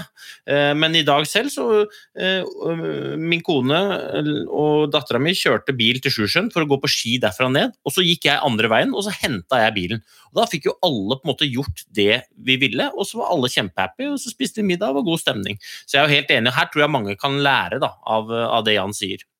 Mm. Jeg er glad jeg ikke satser på Trondheim og Oslo på sykkel, da, for det hadde vært litt tyngre å holde dette usynlig. Ja. men det er vel avlyst i år, sikkert. Det er ikke lov, det greiene der. vet du. Så det, det, er ingen som trenger å tenke på. Ja. Men, nei, men vi, vi, vi gjorde en ting her, Jan. Vi, vi gikk ut på Instagram og så spurte vi eh, de som eh, følger oss, om, om de hadde noen spørsmål. Og det har altså rent inn eh, med spørsmål fra folk. For det er tydelig at eh, Jan Post det, han er det mange som skulle ha en, et par høner å plukke med. Eh, så jeg tenker vi kan ha, ha, det som, ha det som et utgangspunkt her. Ja. Eh, For, for eh, spørsmålene, for det er noen veldig gode spørsmål. eh, Det må jeg eh, innrømme. Kan jo starte med spørsmål fra Guro. Eh, Hun stiller, hvis Du nevnte just da at dere nå pga. korona må kommentere fra Oslo. Og hun sier eh, hvordan er det å kommentere fra Oslo? Får dere de samme TV-bildene som oss eh, dødelige, eller har dere noe ekstra? Altså, Vi har akkurat de samme bildene, så det er ikke noe annet vi ser eh, enn det de hjemme ser. Det vi har, er et sånn titakersystem som er oppdatert, og vi kan velge alle passeringspunktene og sånn, som, som man går veldig fort. Det kan man jo også ha eh, hvis man går inn på FIS sine sider, men vi har en litt annen variant som er litt, litt bedre og litt mer oversiktlig, så er det vi har. Men det er jo klare ulemper med å sitte hjemme og kommentere. Vi har jo ikke gått løypa. Heldigvis har vi vært store deler av dette sirkuset noen år, så vi har gått alle løyper før, så vi vet jo på en måte hvor de går. Men får ikke kjent på føret, vet ikke hvilke svinger som er mest isete nå, osv. osv. Men det vi savner mest, er nok informasjon. Altså, jeg går jo alltid på treninga med, med løpere, snakker med utøvere som du da treffer tilfeldig på runden. Kanskje du treffer en italiensk smører der, en russisk trener der, og så treffer jeg Pellegrino der, prater litt med han. Og Det går greit å stå over den informasjonen her det gjelder to, men når du gjør det over en hel sesong som vi gjør nå, så er det ganske mye mindre informasjon som kommer inn. da. Og Det er ikke så lett å ta alt det der per telefon. Eh, Det er ikke alle sender du kjenner så godt. altså Det er en del tilfeldige samtaler som gjør at man til sammen samler ganske mye informasjon da, med Fredrik Aukland, Torgeir Bjørn og meg. Så det er det største problemet, syns jeg. Ja, apropos det du sier der, for det det er en ting som, som jeg ikke jeg skjønner. og Jeg skulle så gjerne vært litt, mer, eh, litt nærmere innpå det russiske laget. Disse russerne. For noen gåter der. Og det virker for meg som at dere selv, dere som er der nede, som kan gå bort og stoppe Bolsjunov og si du, kompis, jeg har noen spørsmål. Går ikke. Snakker ikke et kvekk engelsk, eh, og det gjelder nesten hele laget der. Alt går gjennom han dumme Kramer, og jeg er redd for at han, eh, at han legger på Du vet jo ikke, vet jo ikke her. Hva, hva, hvordan vet man noe som helst? Hva foregår i den russiske leiren? Spørsmålet er om Kramer har full oversikt over det Bolsjunov driver med, for han er ikke treneren hans, det er Borodavko. Eh, Torgeir snakker litt med han innimellom. Han snakker vel en sånn eh, en eh, skitysk variant. Så hvordan de samtalene egentlig høres ut, det vet jeg ikke. Men Bolsjunov skjønner litt mer engelsk enn han gjør i intervjuer, det gjør han. Men det er ikke noe lett å få vite veldig mye om akkurat han. Men det er også smøreapparatet her som kan litt tysk og kan litt engelsk. så hender man får vite noen ting, men man, man kan ikke være 100 sikker på alt som kommer fra den læren, selvsagt. Men dette snakka vi om uh, tidligere. Hans, liksom. For hvor mye av det dere prater For det, det, I løpet av en helg eller i løpet av en, en sesong så kommer dere med mye info. Hvor mye av det er fakta? Hvor mye av det er reint oppspinn? Og hvor mye av det er liksom word on the street? Altså Jeg får snakke for min egen del. Jeg prøver å holde meg til fakta. da. Altså Ting jeg har fått vite. Og, og, klare rykter, det prøver jeg ikke videreformidle. Det kunne blitt en ganske spennende sending. Hvis vi hadde hatt en helt sånn fri sending hvor vi sa alt vi følte for, så tror jeg vi kanskje hadde vært ganske underholdende, men vi hadde blitt tatt av ganske fort. tror jeg. Så det tror jeg er greit at vi ikke kjører. Så jeg, håper Men folk gjel- kan stole gjelder det. gjelder det makkeren din nå, eller? Eller er han litt løsere i, i snippen på det? Jeg føler at Dere får kanskje invitere han med på podkasten, så får han svare for seg selv på akkurat det. Diplomatisk, diplomatisk svar. Han er, ikke så glad at jeg sitter, han er ikke så glad at jeg sitter og snakker for han. Han er er mer glad i å snakke for oss selv, han. Nei, jeg skjønner det. Skjønner det. Han er, vi håper jo å få Torgeir også innom. Han er, er jo selvskreven. Eh, Vi har, vi har et annet spørsmål her som jeg mener er kjempegodt. Det er Simen. Han vil vite uh, Dette er ikke så lett, Jan, men topp tre øyeblikk du har kommentert. Oi. I langrenn, da, formoder jeg kanskje. Ja, han er, han det står ikke spesifisert, så jeg tenker, du- jeg tenker du kan være helt fri. jeg. Ja. Det der har jeg blitt spurt noen ganger. Eh, det er nok ikke lagsprinten i, Whistler eh, når alt kommer til alt, Øystein. Jeg beklager det. Det går fint.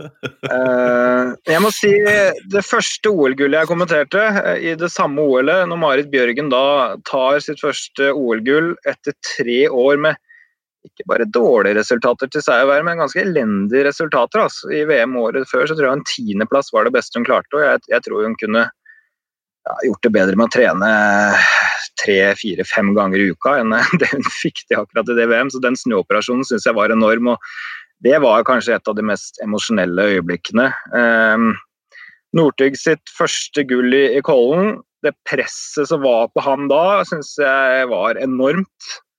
Han hadde jo ikke noe stor sesong fram til VM, men likevel så var det liksom enorme forventninger i lufta. Han, han innfridde der. Han ser jo etterpå hva det betyr for han. Han ligger jo der i, i fosterstilling og, og gråter òg. Det, det syns jeg var, var gøy. Syns jeg må kaste inn et fra friidrettens verden òg. Når Karsten Warholm tar det VM-gullet i 2017 der, i, i godt vestlandsvær i London. Det var jo ikke helt forventa. Jeg elsker å bli overraska òg. Når ting skjer som man ikke helt tror, så er det ekstra gøy. Um, så det er iallfall tre Jeg kunne sikkert nevnt fem til, men uh, iallfall tre av de største.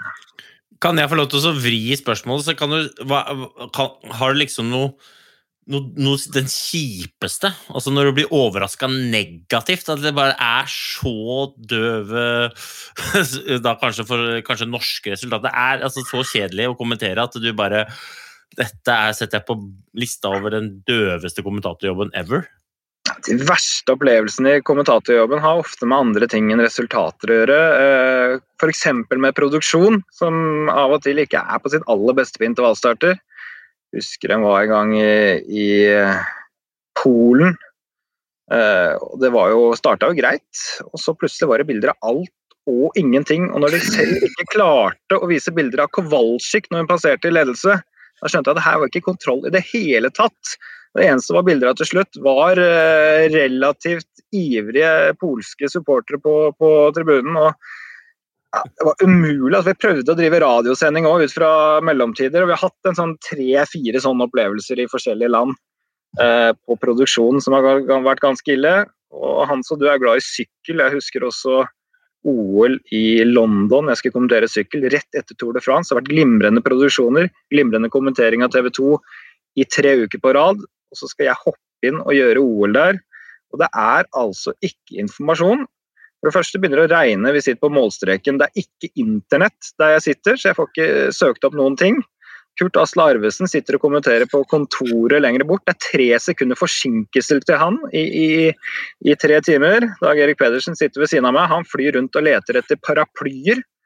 Og det er rett og slett ikke mulig å finne ut hvor stor avstanden er fra gruppa til Kristoff, som gikk tidlig brudd, ned til forfølgerne. Vi vet ikke avstanden i flere timer, for at GPS-senderen funker ikke et eller annet. Altså, det er umulig å vite hvor nærme Cavendish og den store gruppa bak er. Og du sitter egentlig bare og tenker at det her Åh, måtte det her bli ferdig en gang. Det endte jo med bronse til Kristoff, så det var gøy sånn sett, men eh, jeg ser ikke så veldig lys på den opplevelsen. altså jeg gjør ikke det. Var det FIS som hadde ansvaret for det, eller var det noen andre? dere, må, dere, er nødt til å stikke hornet i sida på FIS uansett. Det er skylda for mye, men ikke akkurat det, tror jeg. Det er faktisk et spørsmål her som har dukka opp, og, de, og det kan være du ikke har lyst til å svare på det. Det er lov å si det, altså. Men spørsmålet er hva tenker Jan om diskusjonen som uh, det har vært, uh, vi har hatt da, om FIS? Er langrennssporten i fare for å utrydde seg selv? Uh, og hva tenker Jan at må gjøres? Det skal være litt diplomatisk. Jeg, jeg ligger nok litt mellom dere og Vegard Ulvang. Ja. litt hans realistiske bilde om hvilken vei ting må gå og ting må gjøres. Og så liker jeg litt at dere er er kreative og vil nye ting. Jeg tror at det er viktig å være litt offensiv, at ikke alt er som det en gang var. Så det tror jeg er bra. Så jeg, jeg ligger nok litt midt imellom der. Uh, men det er klart at uh, når bare Russland og Norge på herresiden er med å dominere i perioder, så, er jo ikke det bra. Så spørs det hvordan man skal få, dra med, få dratt med resten. Men jeg tror ting går litt i perioder òg. Vi har sett i junior-VM de siste sju-åtte årene at det er jo ikke noe selvfølge at de norske kvinnene eksempel, kommer til å dominere det her for evig og alltid. Så jeg tror det vil variere litt, men at man er litt eh, kreativ og er litt på hugget, det tror jeg. Men jeg vil nok ikke helt dere, dit dere vil. Jeg tror ikke langrennssporten er stor nok til å drive, drive på sykkelmåten ennå. Jeg tror ikke det.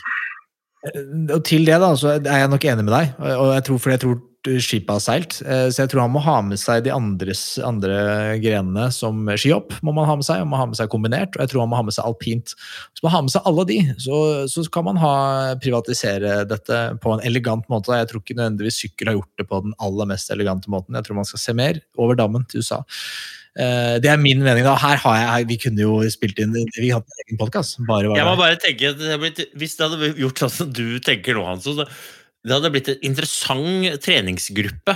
altså Når hopperne skulle trene likt som, som alpinistene. Og det, altså det hadde blitt, der hadde noen blitt slitne. Og noen hadde må jo ikke nødvendigvis ha samme treninger, eh, selv om de går for samme lag. Eh, Men, men jeg liker jo godt å tenke på. Um, Kanskje kanskje ville det hjulpet. Kanskje ville det hjulpet. Ja, og så er det det veldig mange lurer på, det er gjengangeren her av spørsmål, det er 3000 meter challenge. Eh, Folk mener at spesielt undertegnede har behov for noen eh, gode råd. Eh, og, så her er det litt sånn, Ordet er litt fritt, men hva, hva, hva bør jeg gjøre, Jan? Jeg har nå nettopp, jeg har jo hatt den vonde akillesen, eh, og den har jeg eh, begynt å få litt kontroll på. det. Jeg har, jeg har trent mye sånn duppa opp og ned med sånne tåhev og, og stått på, og så har jeg skjønt at man, må, man kan begynne å utfordre skjebnen litt. At det er lurt, da. Det er ikke bare, bare hvile er det eneste rette. Hatt et par rolige, tre faktisk rolige, rolige joggeturer siste uka. Eh, korte. Eh, og det kjennes bra. Eh, så, så liksom hva Og tiden har jo løpt litt fra meg nå. Nå er det to måneder. Og så skal det jeg til pers. Tre måneder er det. Jeg, jeg hører at du har dårlig tid, og det er jo interessant at du sier det, for det er jo et faremoment i seg selv. Du, du hadde jo som mål om å løpe dårligst mulig her i starten for at du skulle forbedre deg mest mulig. Det føler jeg at du har klart. Du har fått en god start her, så nå kan det bare gå riktig vei. Nei, altså jeg, jeg føler at du er i en litt sånn farlig gruppe. Eh, du er veldig motivert eh, og har veldig lyst til å få til dette her. Og så har du ikke vært så veldig mye i bevegelse, og i hvert fall ikke innen løping i store mengder. Så enten du liker det eller ikke, så er du nødt til å ta dette litt gradvis. Og da tror ikke jeg at det er steinharde intervaller i 3000 meter fart som er greia. Du må rett og slett gradvis bygge opp løpemengden. Og så kan du eh, drive en form for intervaller der du senker, eh, senker intensiteten litt, og heller kan holde på litt lenger, som ikke er så brutale. Og, og få litt eh, mengde på det. Men du må bygge en sånn 10-15% økning i mengde per uke, da, som sånn tommelfingerregel. Okay. Jeg tror du skal begynne, begynne der, altså. Men, men tenker du da på muskulær eh, når, når du sier at eh, det blir for ekstremt, er, er det muskulært du tenker på, eller tenker du på for, for hjertet og, og pusten, liksom? Jeg er ikke så redd for, for hjertet og pusten din. men Det er klart at muskulært og, og sener og ledd hos deg, de er ikke vant til å løpe veldig mye hver uke. Og de kommer ikke til å bli vant til det på to uker. Selv om du har veldig lyst til det akkurat nå, så du er nødt til å ta det litt gradvis. Og spesielt høy fart. Hvis du klinker inn mye av det i starten, så er, er skade Altså faren for skade er, er enorm, da. Mm. Så, så du er i en farlig situasjon. Øystein er jo også en farlig situasjon, fordi at han er i utrolig bra form, men han er ikke eh, vant til å bruke den formen på å løpe veldig fort. Så det blir litt som å ta en Ferrari-motor og så hive inn i en Lada. Da er det fort for at det ryker en eller annen del som flagrer ned mot motorveien der. altså. Så han, han har jo så stor kapasitet og, og kan presse seg så hardt over tid at muskler og sener er ikke vant til det hos han heller, så han er også i, i faresonen her. Jeg så jo jeg, jeg, jeg prøvde jo å følge med på 'Mesternes mester'. Trenger ikke si mer om det. egentlig. Ja, det er dårlig kosthold over tid, Hanso. Altså, det han sier her, er at det er jo idiotisk at vi hadde det som challenge, men det er, det er faktisk din feil, Hanso. Det er din feil. Jeg utfordra deg til å finne et spennende, artig treningsmål, og du hosta opp 3000 meter på bane. Altså, det er jo det er fallitterklæring mot uh, fantasi. Altså, jeg, jeg bare gikk, i- hodet gikk rett, Med det ble snakk om utfordringer og trening, så bare hoppa hodet rett til Gerd. eh, Rett til gymlærer Gerd. Ble bare, oh, fuck, 3000 meter, og, og alle Alt bare da klarte jeg. Jeg ble satt ut. Jeg takla ikke presset. Nei, men, Jeg tror jeg tror ikke challengen er noe gærent i seg selv, men det er litt approachen, da, måten man skal trene til det. Det går liksom rett, har jeg på følelsen, i ganske harde intervaller i høy fart. da. Jeg ville sett litt mer mot det Ingebrigtsen gjør. altså De trener veldig mye terskel. Eh, og de trener ikke så mye i 3000 meter fart i løpet av en uke. Selv ikke de som er vant til å løpe 160-170-180 km i uka. da. Eh, så det går an å tenke litt på det. Men da vil jeg at vi skal være litt kon konkrete, da. fordi vi, vi har jo synda. Vi, vi hadde jo Niklas Dyrhaug, som er en uh, meget godt trent, kjekk mann i sin beste alder, til å gi oss treningstips. Vi hadde Mussy ga oss treningstips. altså Vi har fått treningstips fra liksom uh, litt uh, høye mørke menn. Det må være ærlig å si. Men nå kan ikke du gi oss et litt mer fornuftig treningstips, da, Jan? Eh, basert på Du har jo vært i alles sko her, både eh, i mosjonistenes eh, sko og i toppidrettssko og det ene og det andre. Gi oss, en, gi oss en økt som er fin for oss nå, sånn i denne perioden. Ja, én økt. Altså, jeg er mer glad i et treningsprinsipp. Ja. Altså, jeg vil ha en type økt hvor dere er eh, opptil 40 minutter i typisk sone 3. Jeg er ikke så glad i sone 3 og terskel og den slags, men iallfall i en fart der du kan starte litt roligere enn du avslutter.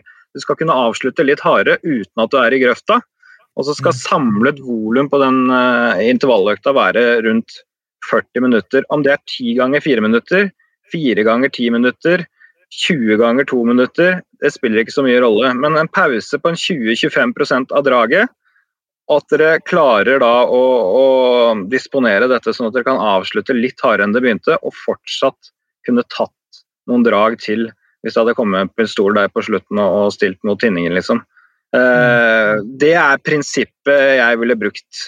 Og så kunne man da tatt én intervalløkt med litt kortere drag i løpet av en uke, altså opptil tre minutter kanskje, og så en med litt lengre eller sammenhengende løping, fartslek-variant hver uke. Da har du samme treningsprinsipp med to ulike treningshastigheter, eh, uten at belastningen blir helt enorm. Og så ville jeg lagt inn en, en langtur som jeg bygger gradvis opp i løpet av uka. Da er de tre viktigste øktene utover det rolig løping, men det krever litt før man, man kan løpe fem-seks ganger i uka, da, hvis man eh, er i dine sko, Hanso. Da, da ville jeg heller tatt en tur på den, den der bysykkelen eh, en gang eller to uker i tillegg. Ja, nå har jeg jo til og med, til og med ordna meg en brukt, eh, en brukt og god eh, sånn terrengsykkel. Som jeg driver og der, jeg, jeg, jeg har faktisk tenkt på det at det, er jo nok intervallene som knakk meg. Og det, jeg, jeg fikk så mange råd av folk som sa å ja, du 3000 meter, da må du øve deg på fart. Øve deg på 3000 meter fart. Løp jeg opp på, på banen her på, på Tøyen eh, og begynte å løpe så ganske radig. da. Det gikk jo den en, en, en vei, da. Så, men en sykkel det tenker jeg det er mindre belastning, så jeg driver og sykler litt intervaller. Det har du sett Øystein, på Stravaen min. Opp, intervaller opp den bakken til Ekeberg, for dere som er lommekjente i Oslo-området. Opp og ned der, for da er det ganske lang, sammenhengende stigning. Kjører jeg på oppover, og så finner jeg et passe sted, holder på, jeg har hatt sånn drag på fem-seks minutter, og så ned igjen etterpå. Det har på en måte vært den enkleste måten å få trent eh, litt variert på, da, her jeg bor.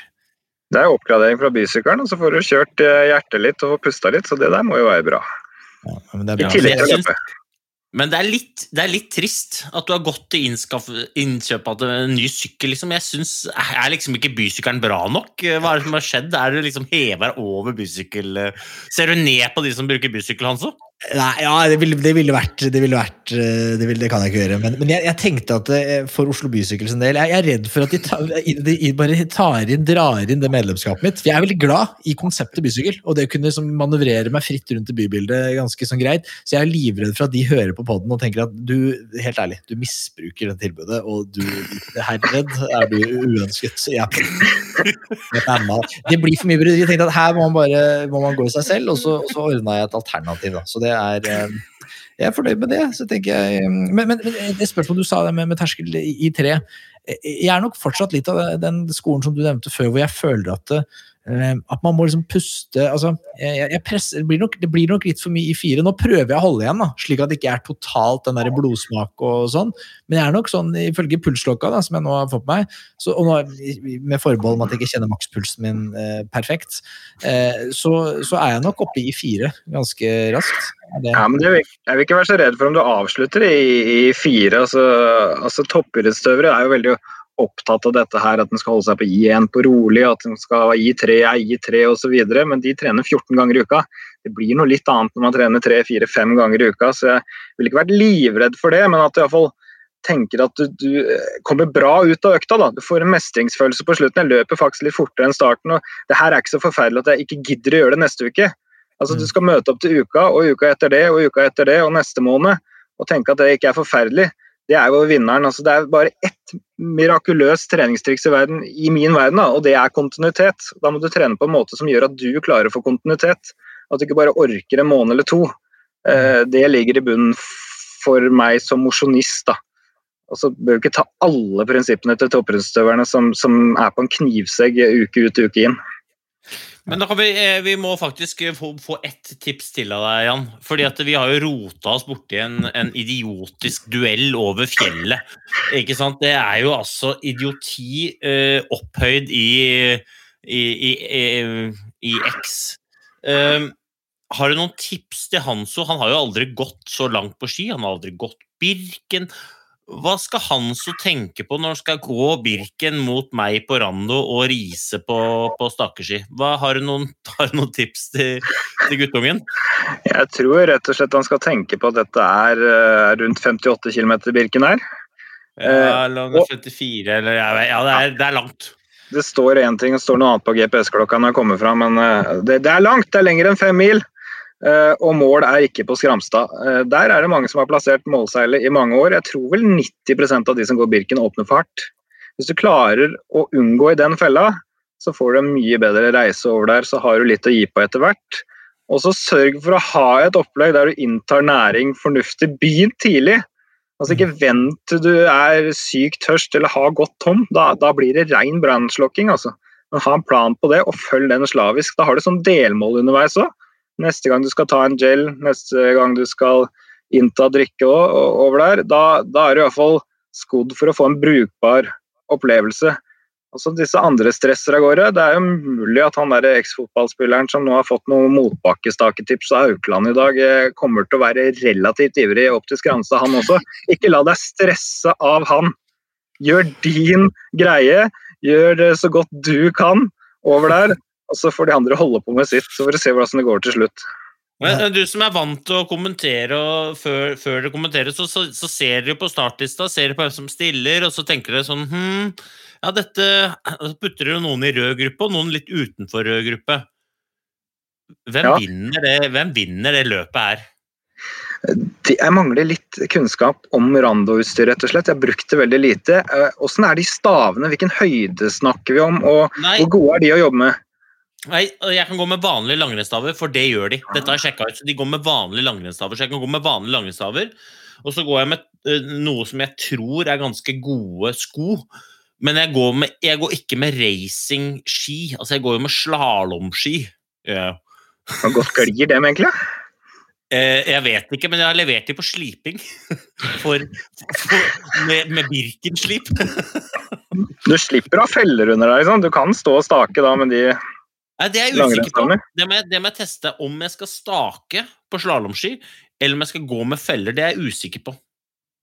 Altså, Riise er jo i habil form, vet du.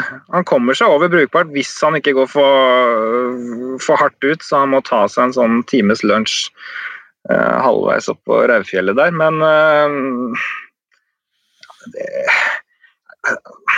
ja, men så Hanso går jo med feller.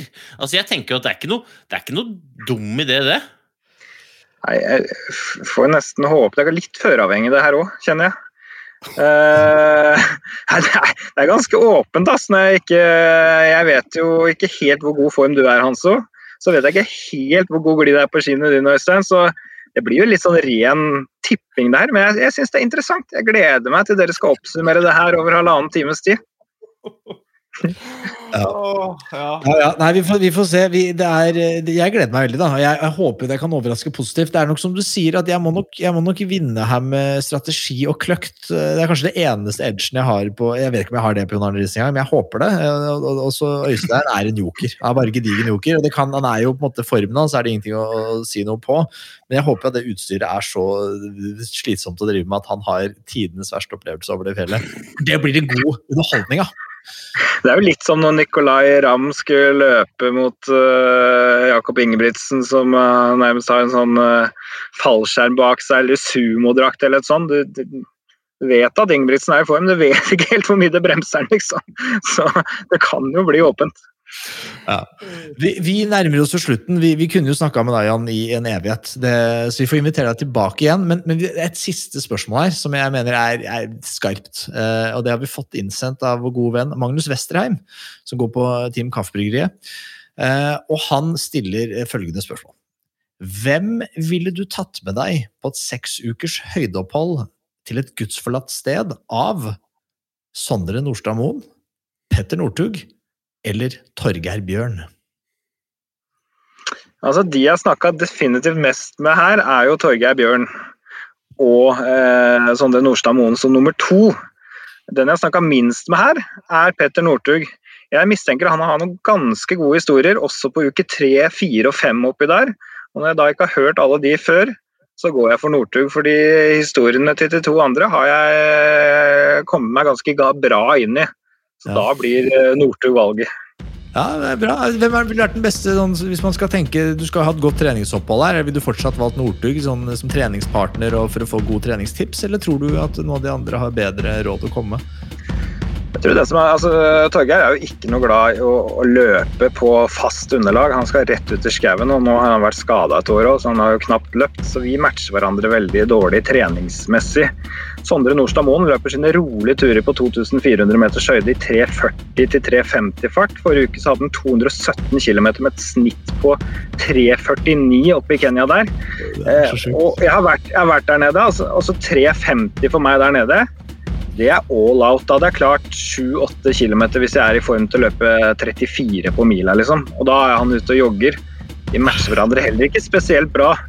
Så jeg tror at sånn eh, løpemessig eh, så tror jeg Northug og jeg er den som kunne hatt flest kilometer sammen da, i, i, i det terrenget. Hvis du skulle gått på ski, så hadde det vært bedre å hatt med Nordstad Moen, tror jeg. For da er Northug for god.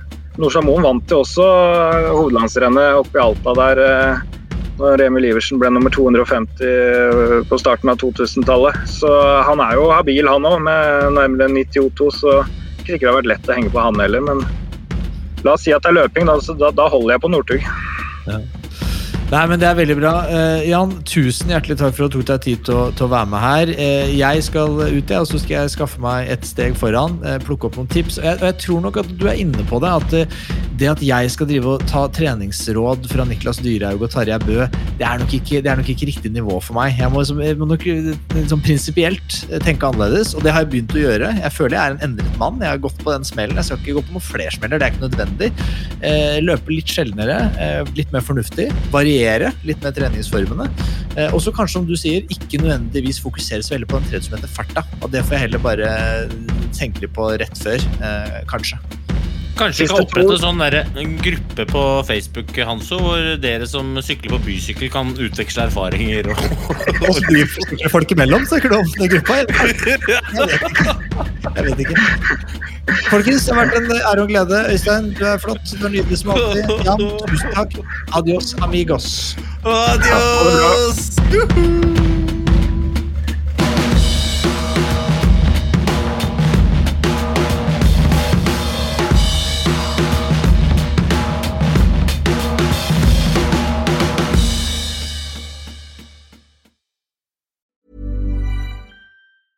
Hey, it's Paige DeSorbo from Giggly Squad. High quality fashion without the price tag. Say hello to Quince. I'm snagging high-end essentials like cozy cashmere sweaters, sleek leather jackets, fine jewelry, and so much more. With Quince being 50 to 80% less than similar brands. And they partner with factories that prioritize safe, ethical, and responsible manufacturing. I love that. Luxury quality within reach. Go to quince.com slash style to get free shipping and 365 day returns on your next order. Quince.com slash style. Imagine the softest sheets you've ever felt. Now imagine them getting even softer over time. That's what you'll feel with Bowl and Branch's organic cotton sheets. In a recent customer survey, 96% replied that Bowl and Branch sheets get softer with every wash. Start getting your best night's sleep in these sheets that get softer and softer for years to come. Try their sheets with a 30-night guarantee. Plus, get 15% off your first order at bowlandbranch.com. Code BUTTERY. Exclusions apply. See site for details.